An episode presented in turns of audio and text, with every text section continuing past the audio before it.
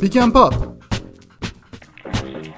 Perde çıkışı üçlü gönderen basketbol podcast'i. Uygar Karaca, Utkan Şahin ve Çağrı Turan Avrupa'nın basketbol gündemini konuşuyor. 24 saniye dolmadan yerinizi alın. Keyifli dinlemeler. Pick and Pop'a hoş geldiniz. Ben Uygar Karaca, Çağrı Turan'la birlikte karşınızdayız. Utkan Şahin bu hafta ve bu haftadan sonra maalesef e, yeni projeler içerisinde bir e, oyuncumuzu gönderdik diyebiliriz. Bir yetiştirici kulüp olarak Alba Berlin gibi hissedebiliriz kendimizi. Yani gerçi Utkan'ın e, yani bize geldiğinde zaten son derece hazırdı ama Çağrı Belgrad'dasın. Neler yapıyorsun? Nasıl Belgrad bu arada görmeyeli? Basketbolun Avrupa'daki başkentlerinden biri. Belgrad'da çok basketbolluk bir şey görmedim açıkçası. Nikola Jokic reklamları dışında ama tek söyleyeceğim yani çok şikayet etmiyorum ki sevmekle beraber benim gibi soğuk hava yağmur seven biri için bile 5 gün boyunca havanın 10 derece civarında olup sürekli yağmur yağması zorlayıcı oluyor. Tek söyleyebileceğim o ağlamak biraz şikayet etmek. Ben en son gittiğimde o kadar keyif alamamıştım. Biraz böyle havası kaçmış gibiydi şehrin. Yani biz de tabii artık nasıl bir kafayla gidiyorsak e, önceki gittiklerimizin e, zevkini son dönemlerde alamamaya başladığımızı düşünüyorum. Burada kur farkının da e, etkili olduğunu düşünüyorum açıkçası. İkisi tamamen zıt yönde ilerleyen para birimleri olduğu için evet. evet. Ya bir de Belgradlıların morali de biraz bozuktu ben en son gittiğimde. Bak bak nasıl üstten üstten yorumlar yapıyorum yani. Üç kişi görmüşümdür orada. Ee, işte mağazaya girmiştim bir tane bir tane taksiye binmişimdir falan. Hemen e, şeyler yaptım böyle soyutlamalar yaptım. Ama genel bir e, moralsizlik vardı. E, benim deneyimlememde öyleydi yani bilmiyorum. E, yani Türkiye'den kıyaslayınca çok şey bir şey söylemek zor da Türkiye'yi genel olarak siyasi anlamda her konuda yani en absürt detaylar konusunda bile takriben iki yıl geriden takip eden Türkiye'deki siyasi playbook'u alıp buraya aynen neredeyse yani fazla değişik yapmadan koymuş bir ülkeden bahsediyoruz. O yüzden hani bağlantı kurmak çok zor değil o açıdan da. Hmm, anladım. Ee, peki şey devam ediyor mu? Benim favori olayım Belgrad'la ilgili. Mesela yemeği yiyorsun 10 kişilik grup bir tane post makinesi geliyor. Kendi aranızda dağıtın şeklinde. Yani böyle ayrı almak falan gibi bir şey durumu söz konusu değil. Yani orada zaten eroy veriyorlar. Ee, hiçbir şekilde onun işin içinden çıkamıyorlar. Yani o devam ediyor mu? Yerine göre değişiyor ya. Her, her yerde öyle değil yani. Ha, öyle mi? Tamam. yani onu geliştirmişler bari. Ee, peki maçlara geçelim. Kızıldız Makabi'yi ben bu hafta izleyemedim. Belgrad'dasın diye e, onu bir belirteyim dedim ama Kızıldız'dan önemli bir galibiyet. E, onları ayrıyetten konuşuruz. Yani Makabi'nin durumunu ayrıyetten konuşuruz ama haftanın bomba olayı Efes ile Fenerbahçe ile konuşacağız birazdan tabii ki. Haftanın bomba olayı Jalgiris'in antrenörünü değiştirmesi. Daha doğrusu Martin Schiller'i göndermesi e, Zenit yenilgisinden sonra. E, tabii ki ikinci maç haftasında böyle bir durumla karşı karşıya kalmayı hiçbirimiz galiba beklemiyorduk. E, neden böyle beklemiyorduk? Çünkü sen çok güzel bir tweet attın haberi yayınladıktan sonra. E, haber yayınlandıktan sonra diyelim sosyal medyada. E, işte Romanov zamanı geri mi döndü? E, çünkü Romanov döneminde olurdu böyle şeyler. Yani ikinci maç haftasında koç göndermek, e, işte yerine böyle e, inanılmaz değişiklikler yaratabileceğini benim tahmin etmediğim birini getirip e, biz daha sert disiplinli bir koç istiyorduk. E, oyunculardan şikayet etmeyen bir koç istiyorduk vari açıklamalarla. Juraj Dok'u e, atadılar göreve ki bunlar gerçekten çok Romanov dönemi e, vari işlerdi. E, maçın içini ayrı konuşalım bence. Çünkü yani şu noktası var mesela. Jalgiris'in nesi kötü? Savunması mı daha kötü? Hücumu mu daha kötü? Bence savunmasındaki problem daha büyük şu anda Jalgiris'in. E, kadrosu yetersiz miydi? İyi kadro kurulamadı mı? Mesela bu bir boyut. Çünkü Martin Schiller galiba bundan biraz şikayet etmiş ki benim anladığım kadarıyla koçlar açısından e, bu artık şey e, yani kulüplerin kırmızı çizgisi kendi kadrolarına koçların laf etmemesi lazım. O konuda eleştiri asla kabul etmiyorlar. Ee, garip olan şuydu. Jalgiris bu sene biraz daha bütçeyi büyüttüğünü hatta biraz kredi alarak falan bütçeyi büyüttüğünü açıklamıştı. Ama Martin Schiller'e fazla bir etkisi olmadı e, bu olayın. Üstüne üstlük Geoffrey Lovern de sakatlandı. E, Schiller olayı saha içi ve saha dışı boyutlarıyla sende nasıl bir yansıma yarattı? E, Çağrı Turan. Okay, o zaman yani çok kısa saha içine değinerek gidelim çünkü orayı kapatacağız. Asıl kısımlar diğer tarafta. Şimdi saha içinde gördüğüm görüntü geçen sezonki yapmaya çalıştıkları o görece basit ama iyi uygulanan detayları saha içinde işte top paylaşımı olsun, alan paylaşımı olsun. Bunları hem savunmada hem hücumda uygulamaya çalışan hala aynı prensipleri. Ama şu an o noktada daha alacağı yol olan bir yandan da halihazırdaki kadrosu çok benzeri basketbolu uygulamakta zorlanacak bir takımdı. Özellikle de hücumda. Yani oyuncu kartlar kısmına baktığında geçen sonki takımdaki oyuncular ki özellikle Grigonis ve Nigel Hayes çok iyi karar verici oyuncular. Hiç zorlamayan oyuncular. Şimdi ve çok akıllı oyuncular oldukları için bir yandan hani onların etrafında tamamen takım merkezli, takım oyunu merkezli bir yapı oluşturmak çok daha mümkün. Ve onu çok iyi oluşturdular. Benim geçen sene izlemekten çok keyif aldığım takımlardan bir tanesiydi. Ki hala da geçen sezon üzerinde eldeki malzemeyi kıyasla sahada gösterdiği, belki galibiyet mağlubiyet hanesi değil ama eldeki malzemeyi saha, kıyasla sahada gösterdiği açısından bence Martin Schiller en etkileyici koştu. Ben kendi ödülüm oyum olsa ona verirdim yani. Bu takımın özellikle de yani ilk kez dedim çünkü Jagiris'i e, kısalarının birbirine benzer nitelikte ama o kadar iyi karar vermeye odaklı olmayan oyuncular var. Yani hepsi biraz skorer, hepsi biraz delicilik istiyor. Hepsi elinde topu çok tutmak istiyor. Yani Mudey, Kalnietis, Minak Kalnietis, e, Strelnieks, e, Lekavicius hep böyle birbirini tamamlamaktan çok birbirinin biraz ayağına basabilecek oyuncular. Şimdi bunların arasında doğru ikilileri yavaş yavaş ileride bulabilirsiniz ama biraz zaman alır. Bunlara adapte Bir yandan bu oyuncuların çoğu da kariyerinin en iyi döneminde değil. Yani hepsi biraz düşüş içerisinde. Şimdi bu, bu da bir gerçek. Öte yandan sahada işte yani geçen maça bakıyorum çok top yani çok fazla top kaybetmemiş ama rakibi top fazla top çaldırmış ve oradan bir seri yiyerek maçı kaybetmiş. Bu hafta belki top kaybı doğru top kaybı sayısı çok çok yüksek değil ama mesela top, öyle yerlerde kötü top kayıpları yaptılar ki ve dikkatsizlik biraz özensizlik gören ve takım birbiri içinde uyum olmadığı bariz gözüken onların maliyeti yüksek oldu. Ve yakın bir maç kaybettiler. Çok yakın bir maç kaybettiler hala. Yani hani Jenny tarafında çok iyi olmasını bekliyorduk gerçi ama hani o yüzden orası çok sürpriz değil. Biraz dağınık bir maçtı. Jalgiris'te de o durum vardı. Ve bunlar zaman içerisinde muhtemelen bir noktada toparlanabilecek şeyler. Mesela şeyi merak ediyordum yani e, bu kovulma olayı olmasaydı mesela şu soru vardı kafamda. Artık halihazırda Euroleague'de normal sezondaki rekabet ve biraz rölantide gitme durumu çok standart bir hal aldığı için bu tip böyle yukarıyı zorlamaya çalışan challenger takımların koçları, takımlar böyle çünkü daha az hata marjı takımlar mesela bu tip durumlarda kendini adapte etmek için ne yapacak? Nasıl hamleler yapacak? Mesela biraz kontrolden feragat edip tempoyu biraz daha zorlayabilecekleri bir oyun düzenine geçerler mi? Çünkü artık seyirciyle oynuyorlar. Bunun etkisini görebilecekleri bir düzende. Mesela bu tip sorular ve bunları kafamda oluşmaya başlamıştı. Bunları acaba görüp görmemeyi bekliyordum. Hani kendi açımdan öyle bir beklentim vardı. Ha. Ama Paulius Montaigne öyle bir Romanov kararı aldı ki artık yani bunu konuşacak bir tarafı yok. Bir yandan şunu söylüyor. Paulius Montaigne verdiği kararla. Özellikle sanırım Yasikevich sonrası biraz kulüplerin de kendi içerisindeki o laneti gibi oluyor. Yani görece daha alt seviyede daha mütevazi olması bekleyen takımların bir şekilde o başarıyı tattıktan sonra onun sanki normalleşeceği, sıradanlaşacağı gibi beklentiye ve gerçekçi, çok gerçekçi olmayan beklentiye girmiş olması gibi. Biraz bu hissiyatı aldım.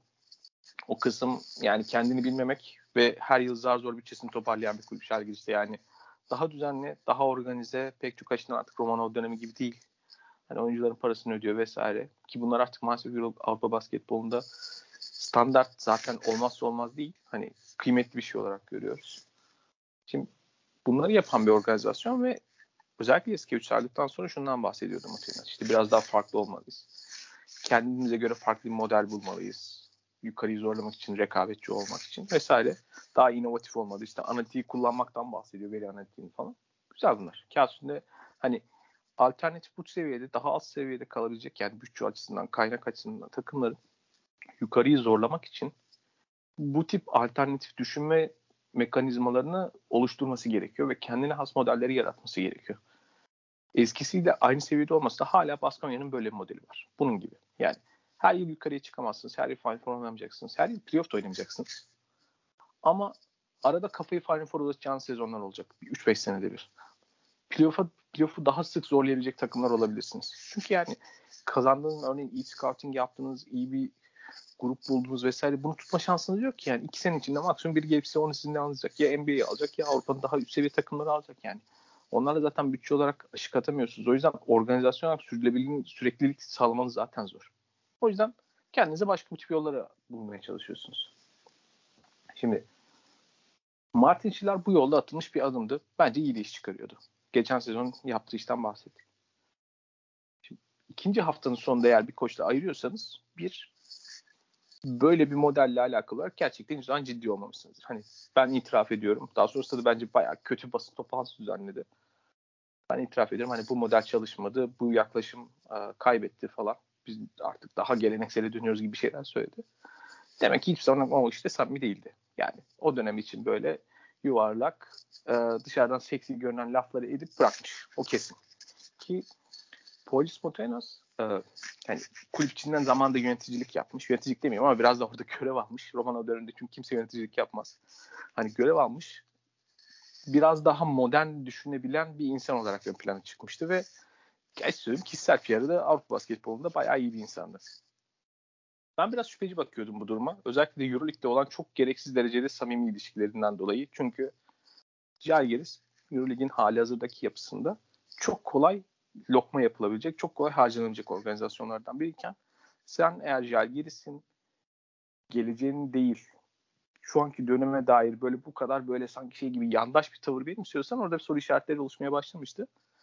Onun dışında da birkaç konu vardı. Ama hani biraz şüpheciydim. Şimdi bu benim kafamda bir kere Motinas'la alakalı şeyleri çok daha büyük şüpheler uyandırdı artık. Yani Jalgiris'te onun yöneticilik becerileriyle alakalı. Romanov gibi ikinci haftanın sonunda koç gönderiyorsunuz. Gönderdiğiniz koçla alakalı yaptığınız yorumlar şunlar. İşte hazırlık maçlarında iyi görünmedi. Lig maçlarında çok baskın görünmedik. Ya takım çekirdeği ve yarısından fazlası gitmiş gelmiş değişmiş kaç hafta sezon hazırlığı yaptığınızda buradan bir anda takımın çılgın oynamasını bekliyorsunuz ve oynaması da öyle çok aman aman kötü rezalet bir durum falan da yok. Zamana ihtiyacı çok belli olduğu bir organizasyon var orada saha içinde. Ve bunu ayarlamıyorsunuz. Ha bir yandan işte takım kadrosuyla ilgili eleştiri vesaire diyorsa da takım oraya kuran kendisi. Takımı bahsettiğim gibi örneğin merkezindeki guard oyuncuları kariyer düşüşte olan Jalgis'in bunlardan para kazanması gibi durum söz konusu olmayacağı ve birbiriyle de çok uyumlu olmayacak bir grup. Madem hani bu arada Motoyonas da hani oradaki transferlerden an sorumludur yani. Koç vesaire bilgi verir ama orası da onun merkezinde yönetilen bir organizasyon şu anda. O kararları, o yapıyı belirleyen kişi o. Hani sorumluluk da ona aittir. Öte yandan öyle kusursuz falan bir kadro kurmuş da değil. Yani oyuncuların birbirine uyum sağlamasını zaman alacağı kesinlikle. Ne olacağı belirsiz olmayan en çok yani muhtemelen yatırımları yaptıkları müddeğin ne olursa olsun biraz kumar olduğu bir takım bu anlaşılabilir bir kumar. O o seviyede takımlar için çünkü yukarıya doğru bir arada adım atmak istiyorsanız anlaşılabilir bir kumar ama kumar. Öyle garanti kusursuz bir tercih falan değil yani. Bütün bunları söyleyip e, kendi içinde tutarsız davranışlar gösterip ondan sonrasında da e, hani şey gibi şey, Fenerbahçe zamanında olmuştu ya Mustafa Denizli'yi gönderip Fener Laurent'ı getirmişlerdi. Takımın artık disipline ihtiyacı var. Oyuncular kimse dinlemiyor. Disiplin lazım falan diye. Onun gibi aptalca bir bahane sürüp ortaya. Sudos gibi ne bu kadroya ne bu takım bence doğasına çok uymayacak. Benim çok beğendiğim ama biraz yani kendi kariyerde son birkaç yılda bayağı sekteye uğramış bir koçu işte daha disiplinli birini getirmemiz lazım. Daha sert birini getirmemiz diye getirip ki Yasikevicius'la Zdovs'u aynı sertlik ve disiplin modelinde görmek de bence ayrı bir yanılgı. Çünkü farklı tip karakterler aslında. Bunu görüp Zdovs'u getiriyorum demek yani hiç anlaşılabilir bir şey değil. Hiç anlaşılabilir bir şey değil. Evet. Yani şeyle bile kıyaslaması bile bence çok absürt. Yani Zuros olayı, Zuros'u işte biz de başlamıştık Romanov'dan kalmıştı ama biz iki hafta sonra göndermiştik o zaman falan.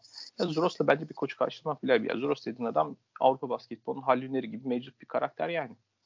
Gerçekten her koç, her takım sahibiyle başkanla ilişkisi falan şüphe uyandıran bir şahsiyet. Herkese böyle geçici, gelip geçici takılan yani mercenary karakter bir koçtan bahsediyoruz. Yani onunla kıyaslamak bile ayıptır yani.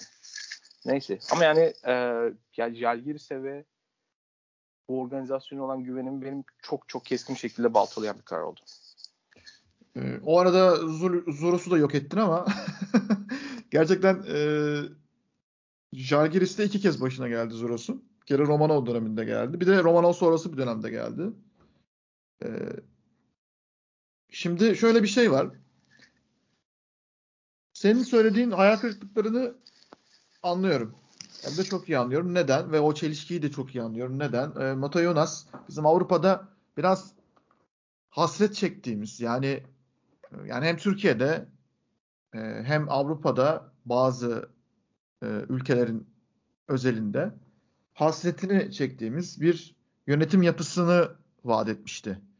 Mesela Martin Schiller oraya gelirken işte NBA tipi mülakatlarla e, Ertuğrul Erdoğan'la da görüşmüşlerdi. E, birkaç başka koçla da görüşmüşlerdir. E, şimdi isimleri aklıma gelmiyor. E, böyle bir model sunulmuştu gerçekten de. Şimdi biz bunları duyunca ister istemez yani ben kendi adıma e, seviniyorum çünkü doğru model budur. Koçu getirirsin. Anlat kardeşim senin projen nedir dersin. Bizim bütçemiz bu kadar dersin. Nasıl bir basketbol oynamak istiyorsun? Bizim seyircimiz var. Bizim kulübümüz böyle. Ee, yönetim modeli sunarsın. Yönetim modeli sunduğun yönetim modelinin arkasında durup dersin ki işte bizim iki sene kredimiz var, üç sene kredimiz var veya şöyle veya böyle. Ondan sonra bunun arkasından baktın olmuyor. E, koçu gönderirsin yani tamam NBA takımları da erken göndermiyor mu bazen koçları gönderiyorlar. E, onlar da hata yapıyor ama bu hatalardan da artık ders çıkardılar. Onlar da hani e, seçim konusunda özellikle daha dikkatli e, olmaları gerektiğini fark ettiler. Yani yoksa e, koç gönderme zamanlaması olarak bence bunun bir optimumu da yok. Yani birinci hafta gönderilmez, üçüncü hafta gönderilmez e, gibi bir şey değil ama Martin Schiller de senin de söylediğin gibi geçen sene hiçbir şey yapmamış bir adam da değildi. Yani evet galibiyet sayısı belki az kaldı biraz veya işte playoff savaşında e, işte Zenit 20 galibiyette playoff'a gitti son anda. Žalgiris 17 galibiyette kaldı ve kağıt üzerinde bir başarısızlık gibi gözüküyor ama seyircisiz ve seyirci faktöründen e, yoksun oynamak zorunda kaldılar. E, işte Yasikevicius dönemi sonrası kadro sıkıntısı çektikleri bir dönem oldu. E, bütçe zaten gayet e, mütevazı bir bütçe dediğin gibi. Yani beni şaşırtan tarafı Montayonas'ın bu şovları yapıp e, işte mülakat usulü koç getirip üstelik de biraz hani biraz NBA e, bağlantılı işte G League bağlantılı bir figürü orada tercih edip oradaki fikirlerin buraya Eurolig'e uygulanması konusunda veya iki ligin e, NBA tarafının, Kuzey Amerika tarafının Avrupa tarafıyla en azından koçluk ve teknik bağlamda yakınsaması anlamında önemli bir adım atmıştı. Ama bir anda bütün o e, kağıttan ev yıkıldı. E, işte hazırlık maçlarında kötüydük. Yani hazırlık maçı zaten hazırlanman için olan bir şey. E, orada kötü olman çok fazla bir şey değiştirmiyor. E, o yüzden ben de gerçekten çok şaşırdım. Ve üzüldüm, hayal kırıklığı yaşadım. Yani 2020'de NBA'in G Ligi'nde yılın koçu seçilen bir e, hoca e, bir sene Jagiris'le bu işleri yaptıktan sonra böyle gitmemeliydi diye düşünüyorum. Kadro tertibine gelecek olursak ben şeyi merak ediyorum. Sen e, GM ayarlıyor dedin ama yani koçla herhalde bir fikir teatisi yapıyorlardır yani. Tek başına da karar vermiyor diye düşünüyorum. Ama gerçekten takımın içinde büyük uyumsuzluklar var. Mesela herhalde Euroleague'de bu kadar fazla aynı tipte şutu üretebilen bir oyuncunun bir yerde bulunduğu bir takım şu anda yoktur. Ee, herkes takımda şey atıyor. Floater atıyor mesela. Yani floater üzerinden. Ee, yani o işte içeri yüklenip yukarıdan e, gözyaşı damlası şeklinden e, top bırakmayla şut atabilen oyuncular çok fazla. Mesela bu ilginç bir detay e, benim gözüme çarpan. İşte Ulanovas'a bakıyorsun. Öyle net bir şutu olan veya işte pull up gönderen bir oyuncu değil. Veya işte köşede bekleyip e, spot up üçlük gönderen bir oyuncu değil. Yani tamam gönderebiliyor ama e, şut mekaniği ona uygun değil. Lekavicius tamamen e, sayı üretme biçimi. İçeri drive edecek dışarıdan içeriye. Ondan sonra yukarıdan o gözyaşı damlasını, o floater'ı bırakacak. E, öyle sayı bulacak. Mantas Kalnietis. Sayı bulma yöntemi aynı. Tabii o biraz daha e, işin organizasyon tarafında görevli ama e, Strelnieks ve Milaknis bunlar geçen şut oyuncuları. Yani perdeden çıkıp topu alıp bir veya iki dripling yapıp mümkünse hiç dripling yapmadan e, skor üretecekler. Strelnieks benim çok beğendiğim bir oyuncudur ama savunmada problem yaşar zaman zaman fizikman. Milaknis aynı şekilde. Ve e, perdede kendisine getirilen perdede e, pick and roll'de sayı üretme konusunda uzman biri değildir Strelnieks. Nils Giffey iyi bir takım oyuncusu, iyi bir tamamlayıcı parça ama kendi başına şut üretebilen bir oyuncu değil. Geoffrey Lovern çember altında evet iyi yer kaplar, mücadele eder. Eski tip bir pivot bence. Ee, sakatlandı zaten o da tabii Jalgiris'in dertleri büyüdü onun sakatlanmasıyla ama e, Yankunas hiç söylemeye gerek yok. Yani başladığı 5'te Yankunas ve Dovern var. Martin Schindler'in 4 ve 5 numaralarda. Yani bu takımdan çok fazla bir şey beklemek şu anda inanılmaz büyük bir e, bence yanlış beklenti olur. Orada iki kumar oynandı. Biri e, neydi? Emmanuel Mudiye kumarı. Kaç paraya geldi bilmiyorum. E, alacağı para o kadar yüksek olmayabilir belki. Ama Emmanuel Mudiye hiç tutmadı. Yani Avrupa basketboluna şu ana kadar adaptasyon problemi çok zirve düzeyde yaşıyor.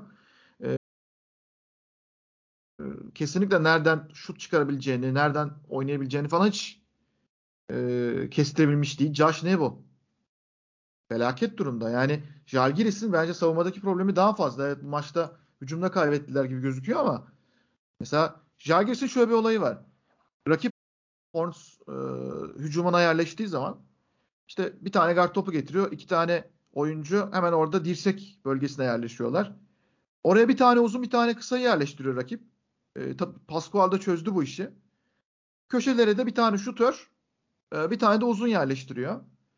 Jalgiris'in bütün savunma dengesi o köşeleri mi savunmalıyız yoksa önden gelen, e, tepeden gelen gardın, ikili oyundan çıkan gardın veya uzunun devrilmesinden e, dolayı oluşan boşluğu mu kapatmalıyız? Bu seçimlerde tamamen sınıfta kaldı ve bu tarzda basketleri sürekli yedi. Baseline savunması hiç yok. Tepe merkez savunması hiç yok. İki aksiyonla içeriden dışarıya, dışarıdan içeriye rakip o kadar kolay giriyor ki ve bu tamamen kadro tertibiyle alakalı. Josh bu.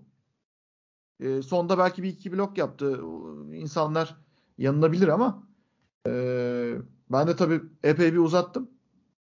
Ama gerçekten e, takım tertibindeki ve takım kadrosu e, kuruluşundaki e, dengesizlikten tamamen kaynaklanan bir durum. Bence işlerin başına gelen durum. E, bu arada en erken koç göndermeler konusunda da bir trivia bilgisi olarak işte Tomo Moharuc Olimpiya 2006 yılı e, biraz tarih öncesi çağlar gibi geliyor ama öyle. Moharuc da çok erken kaybolmuş bir adamdır değil mi? o sahneden. Ee, Alexander Jikic, Argyris Pedulakis gibi isimler o dönemlerde. Yani çok eski bir olay ama bu. Ee, eski bir yöntem yani. ikinci haftada koç göndermek. Ya kötü tarafı şu. E, kendi sürekli yani Romanov'un tam zıttına doğru giden ve bu yüzden aslında güzel bir şey söyledin aslında. Hasret çektiğimiz bir organizasyon modeli olup vaat eden Motenas'ın yani şu basın toplantısı özellikle inanılmaz bir içerik. Yani her türlü popülizmi yapmış olması. Ve bu eskiden yani Jalgiris de başındaydı. Yani acaba PR'dan bilmiyor diye kendim sorguladım orada. Her türlü popülizmi vardı. İşte Litvanyalı zamanda Litvanyalı koçları bizim yönelmemiz lazım değil. Şu anda Litvanyalı koçların niye olmadığıyla ilgili bahaneler sunan bir yandan hani ya belli ki orada çok e, o da oyun oradaki kurallarına göre oynayan popülizme daha sıcak. Belki biraz daha a, aklı selim ama çok da çok da o dünyanın dışında olmayan bir yönetici modeli. Galves'in daha iyisini isted o daha iyisini daha iyisi olmasını isteriz genelde. Çünkü yani daha kendine has özel bir kulüp ama özellikle hani bahsettiğim gibi hasret çektiğimiz bir modeldi. Onun olmadığı tescillendi. Yani şu e, vaadin hiç tuttuğunu görmedim. Daha disiplinli bir koç lazım bize. Böyle masaya yumruğunu vuracak falan yani. Abi gir istiyorsan soyunma odasında şey takıma şey var yani şeyleri falan. Az Yıldırım gibi daha soyunma odasına falan oyuncularla sen konuş istiyorsan. Madem disiplinsizler. İnanılmaz. Evet gerçekten enteresan. Martin Schiller e, için bir ağıt yaktık adeta burada. Yarım saattir Martin Schiller konuşuyoruz ama e, bence yerindeydi. Bundan sonra başarılı olur olamaz. Bilemem. Avrupa'da mesela şu da var yani Kokoşkov bir sene kaldı. Martin Schiller de bir senenin biraz ötesinde kaldı. E, orada NBA bağlantılı, G bağlantılı koç modelinin de Avrupa'da tutmadığını veya tutamadığını görmüş olduk. Böylelikle. Ama ya da en azından kötü, çok kötü gözükmediler yani ikisi de hani.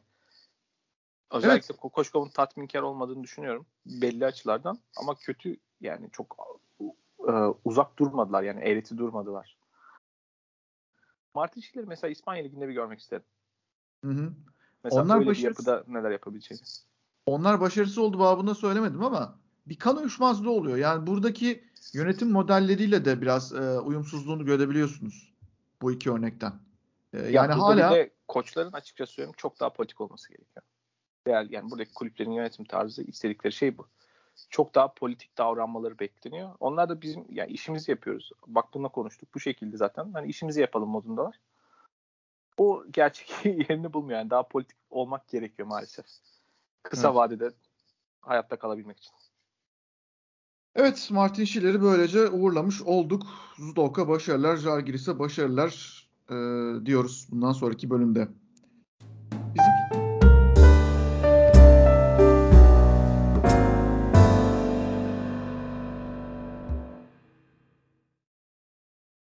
Bizimkilerden bahsedelim. Efes Ceska çok büyük maç her zaman son yıllarda damga vuran işte modern dönemin klasiği e, haline gelmiş bir buluşma. O maçlarında artık e, klasiği haline gelen olay nedir? Son bölümdeki geri dönüşler. Efes evet 16 sayıdan bir geri dönmeye çalıştı. E, hatta işte son 2 dakika 6 saniye kala 9 sayılık fark bir anda 52 saniye kala saate baktığımda 2'ye inmişti. E, Erten Gazi ve Doğuş Balbay wild card ile birlikte yine Ergin Ataman her zamanki o maçı kurtarmak için gelen e, biraz uçlarda hamlelerinden bir tanesiyle e, gerçekten de şaşırttı Ceska'yı. 5 saniye yaptılar ya. E, yani maçın sonunu getirmeye o kadar yakın bir haldeyken 5 saniyede yakalanmak çok komikti. Sonra işte Muharman'ın 2 artı 1'i geldi e, falan derken. Ama maçın genelini için bence yanıltıcıydı o görüntü. Yani Efes maçı son bölümde kaybettiği gibi bir şey yok. E, çok net bir şekilde. Çünkü Ceska maçın başından sonuna kadar bence üstün olan taraftı ki eksikleri de vardı. Yani Milutinov artık onu eksikten saymıyorum. O e, olduğu zaman bonus gibi geliyor bana. E, Ceska'da. Grigonis yoktu. Bir de Lopatin yoktu. Lopatin tamam e, orada himal edilebilir bir belki, belki eksiklik ama e, Grigonis önemli bir eksik gibi gözüküyor. Ya maçtaki dikkatimi çeken konu şuydu. Efes'te geçen sezonun özellikle çok işlerin iyi gitmediği dönemdeki temel sıkıntı olan Larkin'i nasıl devreye soksak konusu tekrar gündeme geldi. Yani o gününde değilse veya onu bir şekilde ısındırmak ve kullanmak konusunda Efes'in yapısı hala fazla serbest ve bunu oyun yapısı işte şemaları seçilen oyunlar vesaire olarak çok destekleyen bir yapı yok. Hala biraz orada serbestlik var. Fazla serbestlik var belki. Ve o sizi riski açık hale getiriyor. Yani oradaki varyans çok yüksek ve o sıkıntı devam edecek. Belli ki bu sezonda önemli kısmında. Ee, Diğer taraftan öyle çok endişe verici vesaire falan bir durum yok. Ama şu kötü. E, geç önceki hafta yine ligin favorilerinden bir takımdan deplasmanda farklı yenilmişsiniz. Bu maçta biraz daha kendi sahanızda oynarken bir reaksiyon vermeniz ve biraz daha farklarınızdan yaklaşmasını genelde bu seviyede takımlardan beklersiniz. Yani işte savunmanın biraz daha en azından ciddi olmasını, biraz daha farklı bir efor göstermesini. Arada hani çok kazanıp kaybetmek çok önemli olan değil de reaksiyon verebilen ve biz daha üst seviyenin takımıyız psikolojisini orada kanıtlayan, onu gösteren bir yapı olarak o pek yoktu. Yani onun normalde olması gerekir. Hani o sürerse devam ederse bir endişe unsurdur ama ben çok orada kafaya takılacak bir şey olduğunu düşünmüyorum. Öte yandan e, mesela Sertaç gibi bir şekilde takımdaki parçalardan hangisinden hangi gün alacağınızın belli olmadığı çok parça olan bir takım için sürekli istikrarlı olarak ve savunma tarafında da o istikrarını bir şekilde ortaya koyan bir oyuncunun olmamasının mesela eksikliği daha net hissedildi. En azından şu an için. Yani orada orada biraz daha işleri stabil hale getiren bir parçaydı. O dikkat çekiyor. Ee, öte yandan hani bir yandan da şey bakıyorum yani maç temposu çok hazırlık maçı temposundan biraz halliceydi. Yani NBA normal sezonun böyle yani iyi maçları vardır. Biraz daha tempo hani biraz daha ciddiye alır, alırmış gibi görünür takımlar. Biraz o halde yer yani. yani çok da maçla ilgili böyle keskin böyle derin çıkarımlar yapmanın da bir yandan o yüzden çok zor aslında. İki taraf için de. Ben yapacağım biraz derin çıkarım ya açıkçası. Bence Efes'in çok ciddi bir sorunu var. O da e, çember altını koruma problemi. Sonraki haftalarda belki giderirler bu sorunu ama şu anda bu bir sorun olarak bence ortada duruyor. Çünkü neden? E, maçın başı bir kere Efes 100 sayı yedi. E, Ceska 100 sayı atabilir bir takıma. Bunda bir problem yok. Herhangi bir takımda herhangi bir günde 100 sayı yiyebilir. Onda da bir sorun yok ama sayıların nasıl yenildiğine bakacak olursak hep belli bir madeni işlediğini görüyoruz Ceska'nın. Endişe verici yanı orası. Yani e, ben geçen hafta da söylemiştim galiba. Petrushev benim beğendiğim bir oyuncu. E, Sertaç'ın da hücumda yaptığı işlere yakın işler yapmaya yatkın ve o, o hücum akışına iyi ayak uydurduğunu söyleyebilirim. Ama e, çember altını koruma konusunda veya işte ikili oyunlardan sonra dışarıdan içeriye penetreleri veya e, direkt uzunun daha statik bir şekilde aldığı Şengelye gibi veya işte Clyburn gibi sırtı dönük alıp yüklendiği e, pozisyonları koruma konusunda her ne kadar rakibi kontest etme, rakibe e, meydan okuma, e, fiziksel olarak onu rahatsız etme gibi bir gaye gösterse de e, pozisyon aldığı pozisyon itibariyle yeterli olmadığını düşünüyorum. O koridorlar çok açık. Zaten Ceska e, maça oradan aldığı e, doping de başladı. Boost'la başladı. Şengele kendi atıyor. Voigtman maça çok iyi başladı ama Voigtman'ın yeri neresidir mesela? İşte doğal habitatı. E, aslında üçlük çizgisinin dışarısı. Yani oradan e, zayıf tarafta köşesini kaptığı zaman alıp gönderen ve e, savunma için biraz soru, çözülmesi zor problem çıkartan bir oyuncu ama Voigtman maçın başında öyle sayı üretmedi. Voigtman'ın maç başında sayı üretme biçimi e, çembere yakındı. Ve Şengele ile beraber orayı rahat işleyebilmeleri e, çok kolay bir şekilde e, skor olarak kendilerini rahat hissetmelerine sebep oldu. Mesela Efes'teki önemli sorunlardan biri bu. Ergin Ataman da zaten Petrushev'e çok yüklenmedi ama biraz Brian Dunstan'a yüklendi. Maçtan sonra. Dunstan'dan o konuda yardım bekliyoruz ama çok da fazla yardım alamıyoruz gibilerinden bir şey söyledi. Ee, Petrushev'i kenara aldı. Bir daha da uzun süre oyuna sokmadı. Bu sorunun o da farkında. Tabii reboundlardan şikayet e, etti. Rebound alamadıkları konusunda. Fakat mesela iç tarafı koruyamadığınız zaman sırtı dönüklere karşı ya da işte e, ikili oyunlardan sonraki merkez penetrelerine karşı koruyamadığınız zaman başka bir sorun daha ortaya çıkıyor. O da şu. Bu sefer panikle içeriği kapatmaya çalışıyorsunuz. Panikle içeriği kapattıktan sonra dışarı taraf çok boş kalıyor. Efes böyle zayıf taraf üçlü yedi. 3-4 tane maçın ilk yarısında. Yani aynı madeni Ceska farklı şekillerde işledi ve farklı şekillerde sayı üretti. Ee, o yüzden mesela işte Ceska %44 üçlük atmış gibi gözüküyor. Yani 27'de 12 ama o şutların birçoğu aynı e, biçimde geldi. Bu arada maçla ilgili ben Ife Lundberg konusunda bir detay e, parantez açmak istiyorum. Bence Ceska'nın son yıllarda oyuncu e, alıp oyuncunun üzerine katarak ilerlemesini sağlayan bir kulüp profil çizmesi konusunda iyi örneklerden biri oldu. E, bu konuda başka örnekler de var. Daniel Hackett, kısmen Mike James son bölüme gelinceye kadar o disiplin sorunlarını yaşayıncaya kadar Mike James. Hatta belki Will Clyburn. Ee, Ife Lundberg bence Larkin'i ilk yarıda durduran adam. Birebir de. Dikkatini çektim bilmiyorum ama kendisi sıfır sayıdaydı. Larkin 6 sayı atmıştı ilk yarıda. Ve Ergin Ataman senin de söylediğin gibi Larkin konusunda çok ısrarcı oldu. Hiç vazgeçmedi Larkin'den. Yani Mitsic ve Larkin'i e, ritim bulması konusunda çok zorladı mesela.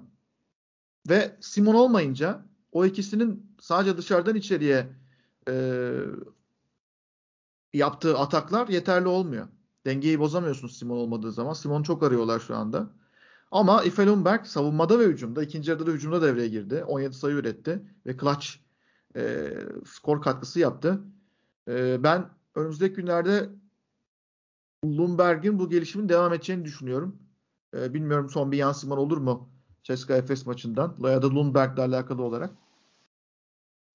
Ya Efes'le ilgili yani biraz çok tekrar düştüğümüz bir konu ama bu tip bahsettiğin işte içeriği savunamamakla alakalı konu aslında gene dönüp dolaşıp oyun felsefesi veya takım olarak prensiplerinizin ne olduğuyla alakalı. Ve Ergin Ataman çok uzun süredir koçluk yapısında yani örneğin savunma kavramında hatta hücumda bile öyle ama özellikle savunma kavramında bu işi böyle kolektif bir bütün olarak herkesin belli prensiplerin yansıması gibi bir şey yok. Netro'da rol tanımları var. Diyor ki işte uzuna şuradaki forvete vesaire sen rebound alacaksın, sen burayı kapatacaksın vesaire. Öbürüne diyor sen bunu yapacaksın. Hani herkesin belli sorumlu örneğin rebound almak gibi sorumluluğu bir arada paylaştığı bir tarzı yok yani bu takım. Hani orada sorumluluklar daha keskin.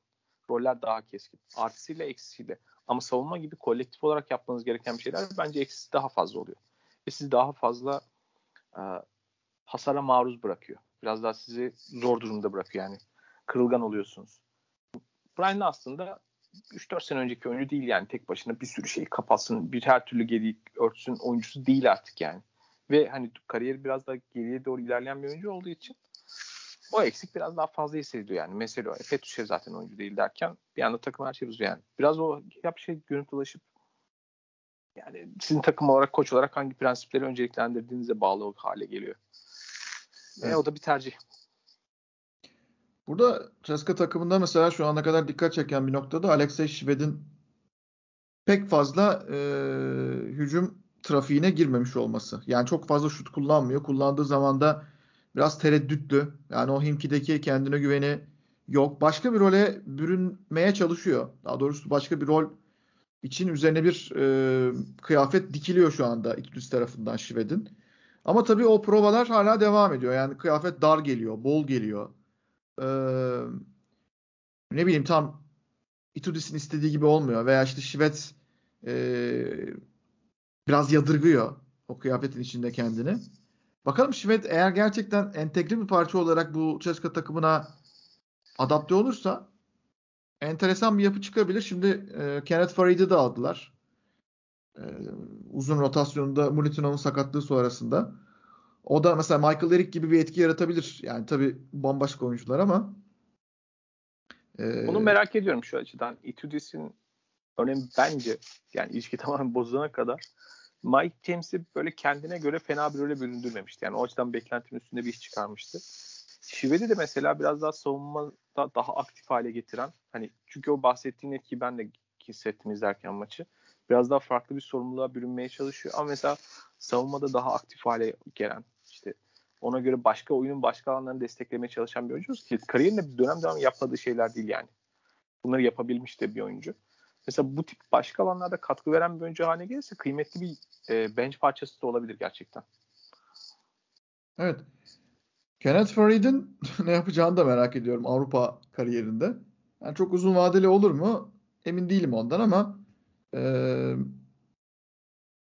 merak edilecek bir soru haline gelmiş durumda. Bu NBA'den e, düşenler Kenneth Farid hangi takımın taraftarlarıyla kavga edecek? İlk fikstüre bakmak lazım. evet. E, Ferit Çin'de oynamıştı bu arada. Daha sonrasında da galiba Porto Rico'da evet Leones de Ponce Porto Rico'da oynayıp böyle işte basketbol sayı haline gelen eski NBA'ciler e, kadrosunda. E, aslında bir dönem baya baya zirve bir isimdi ama yani iyi bir isim, sağlam bir isimdi. Bakalım Ceska'nın gidişine. Ceska da ilk galibiyetini almış oldu. Bu arada Efes'le Ceska da bayağı zor e, fikstürlerle başladılar. Onu unutmamak lazım. Yani Ceska Milano deplasmanı artı Efes deplasmanıyla başladı. E, Efes'te Real Madrid deplasmanı artı Ceska ile başladı. Kolay bir başlangıç değil.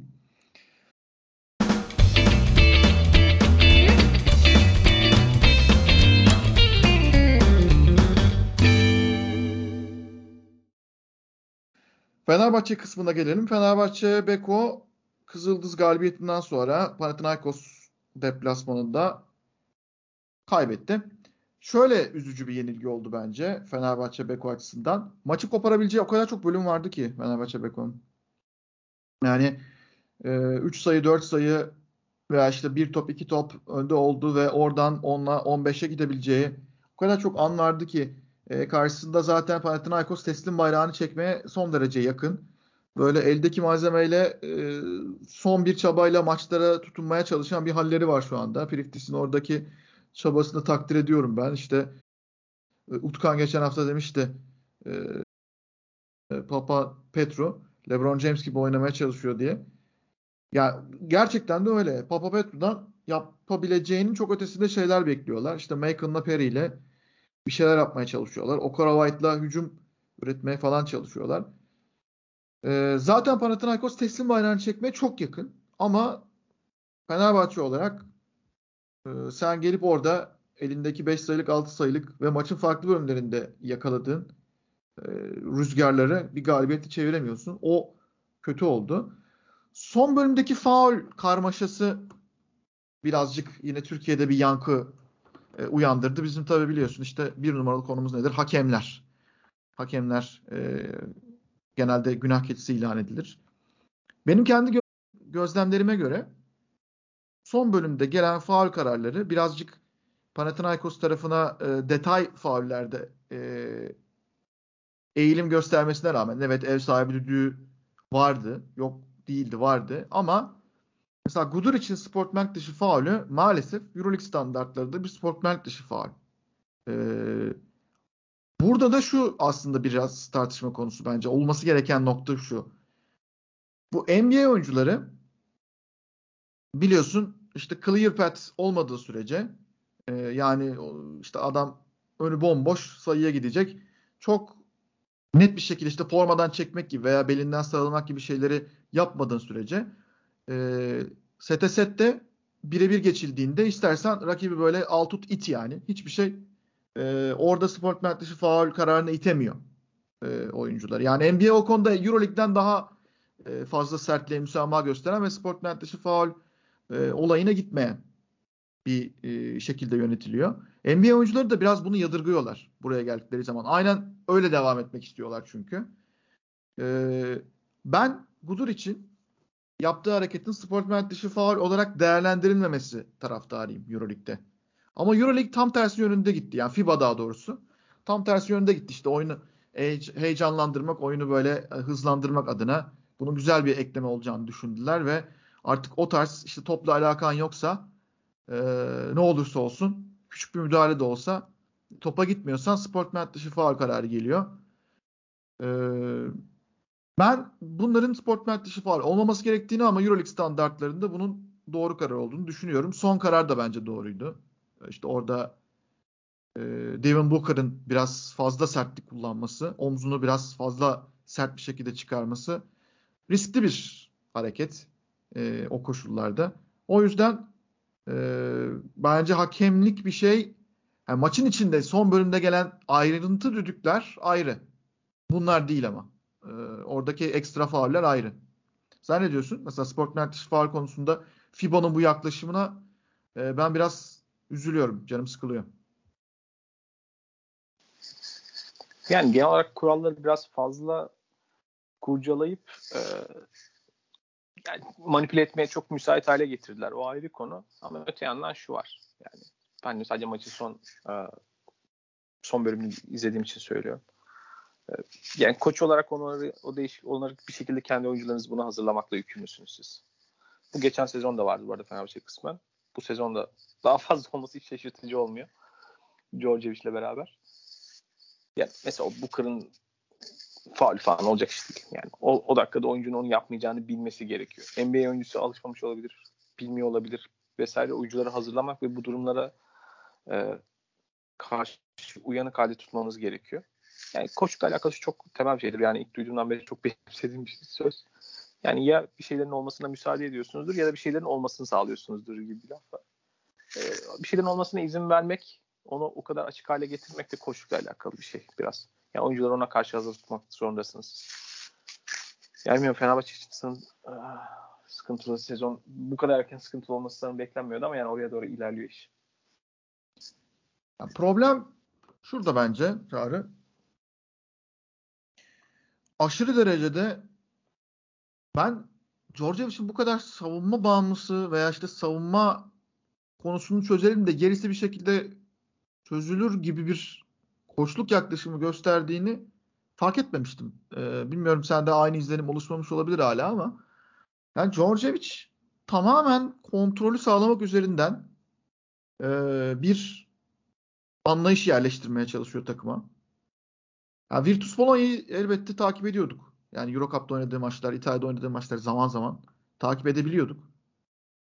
Ee, ama bu kadar üst üste maç izleyince Djordjevic'in orayı nasıl frenlediğini görüyorsun. Ee, bir örnek vereyim mesela. Maria Aşağı yok. Böyle bir transition hücumunda, geçiş hücumunda bir tane e, üçlük attı. Yani savunma yerleşmemişti. Evet içeriği de tercih edebilirdi. Ama artık bunlar yaygınlaşmış durumda. Yani NBA'de de bunları zaten görüyorsun veya Euroleague'de de bunları görüyorsun. Birçok takım da bunu benimsemiş durumda. Kimse de artık neden orada o üçlüyü attın, neden e, belki bir ekstra pas yapıp veya işte yandan gelen trailer'ı görüp e, pozisyonu bir ikilikle veya çembere daha yakın, daha garanti bir şekilde bitirmedin diye e, konuşmuyor çok fazla. Mesela Djordjevic buna acayip bir tepki gösterdi. Çok sinirlendi.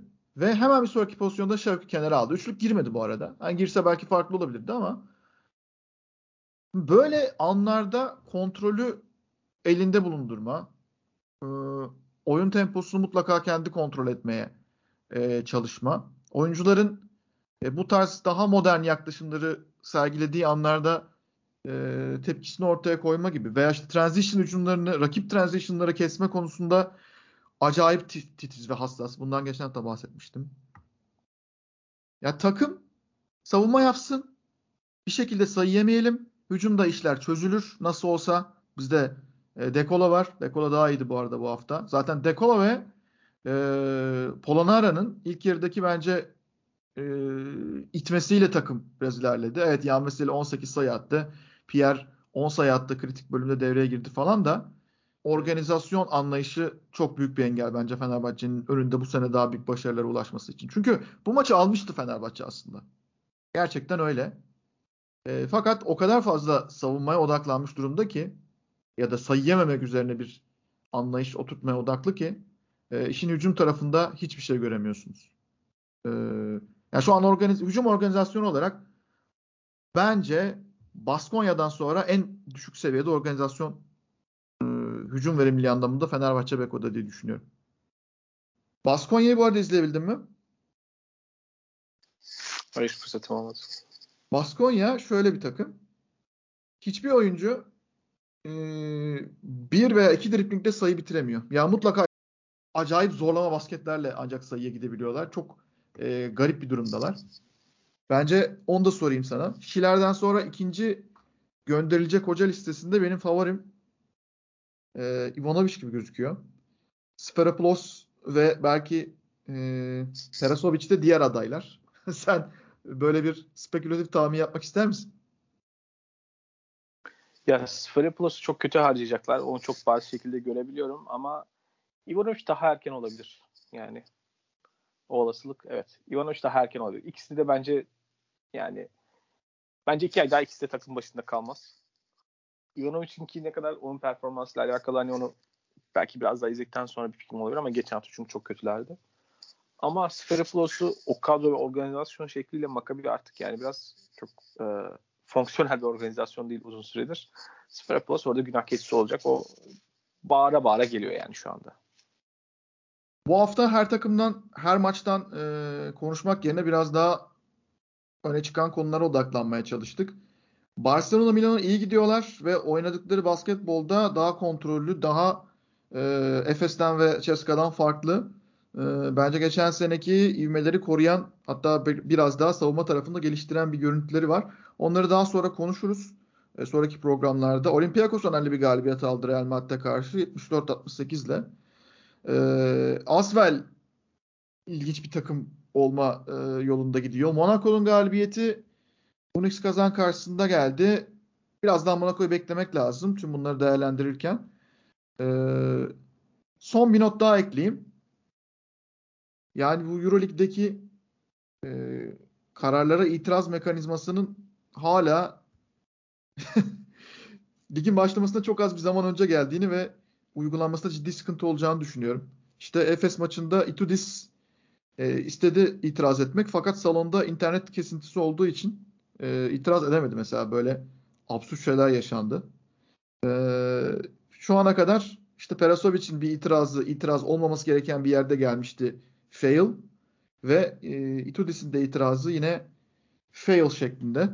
E, salonda internet olmadığı için. Şu ana kadar review olayı yani karara itiraz mekanizması hem doğru zamanlarda bence kullanılmıyor çok fazla hem de çok iyi de işlemiyor. Bunu da bir not olarak e, ekleyelim. Çağrı Turan çok teşekkürler. Ben teşekkür ederim. Evet, e, Pick and Pop'ta sezonun ikinci maç haftasını değerlendirdiğimiz Martin Schiller'in ayrılışını, Efes'in ve Fenerbahçe'nin maçlarını değerlendirdiğimiz temel olarak e, bölümün sonuna geldik. Ben Uygar Karaca. E, önümüzdeki hafta sizleri yine bekliyoruz. Sevgili Utkan Şahin e, bir sene boyunca e, bir sene aşkın bir süre bizlerle birlikteydi. Pick and Pop'ta. E, çok da güzel sohbetler yaptı kendisiyle. Ama bu noktadan sonra o da yeni projelerle başka mecralarda e, bizim dinleyeceğimiz, takip edeceğimiz e, başka bir noktada olacak. Belki bir gün tekrar Pick and Pop'a e, kendisi gelebilir önümüzdeki zamanlarda. Yeniden görüşmek üzere. Hoşçakalın diyoruz. Hoşçakalın.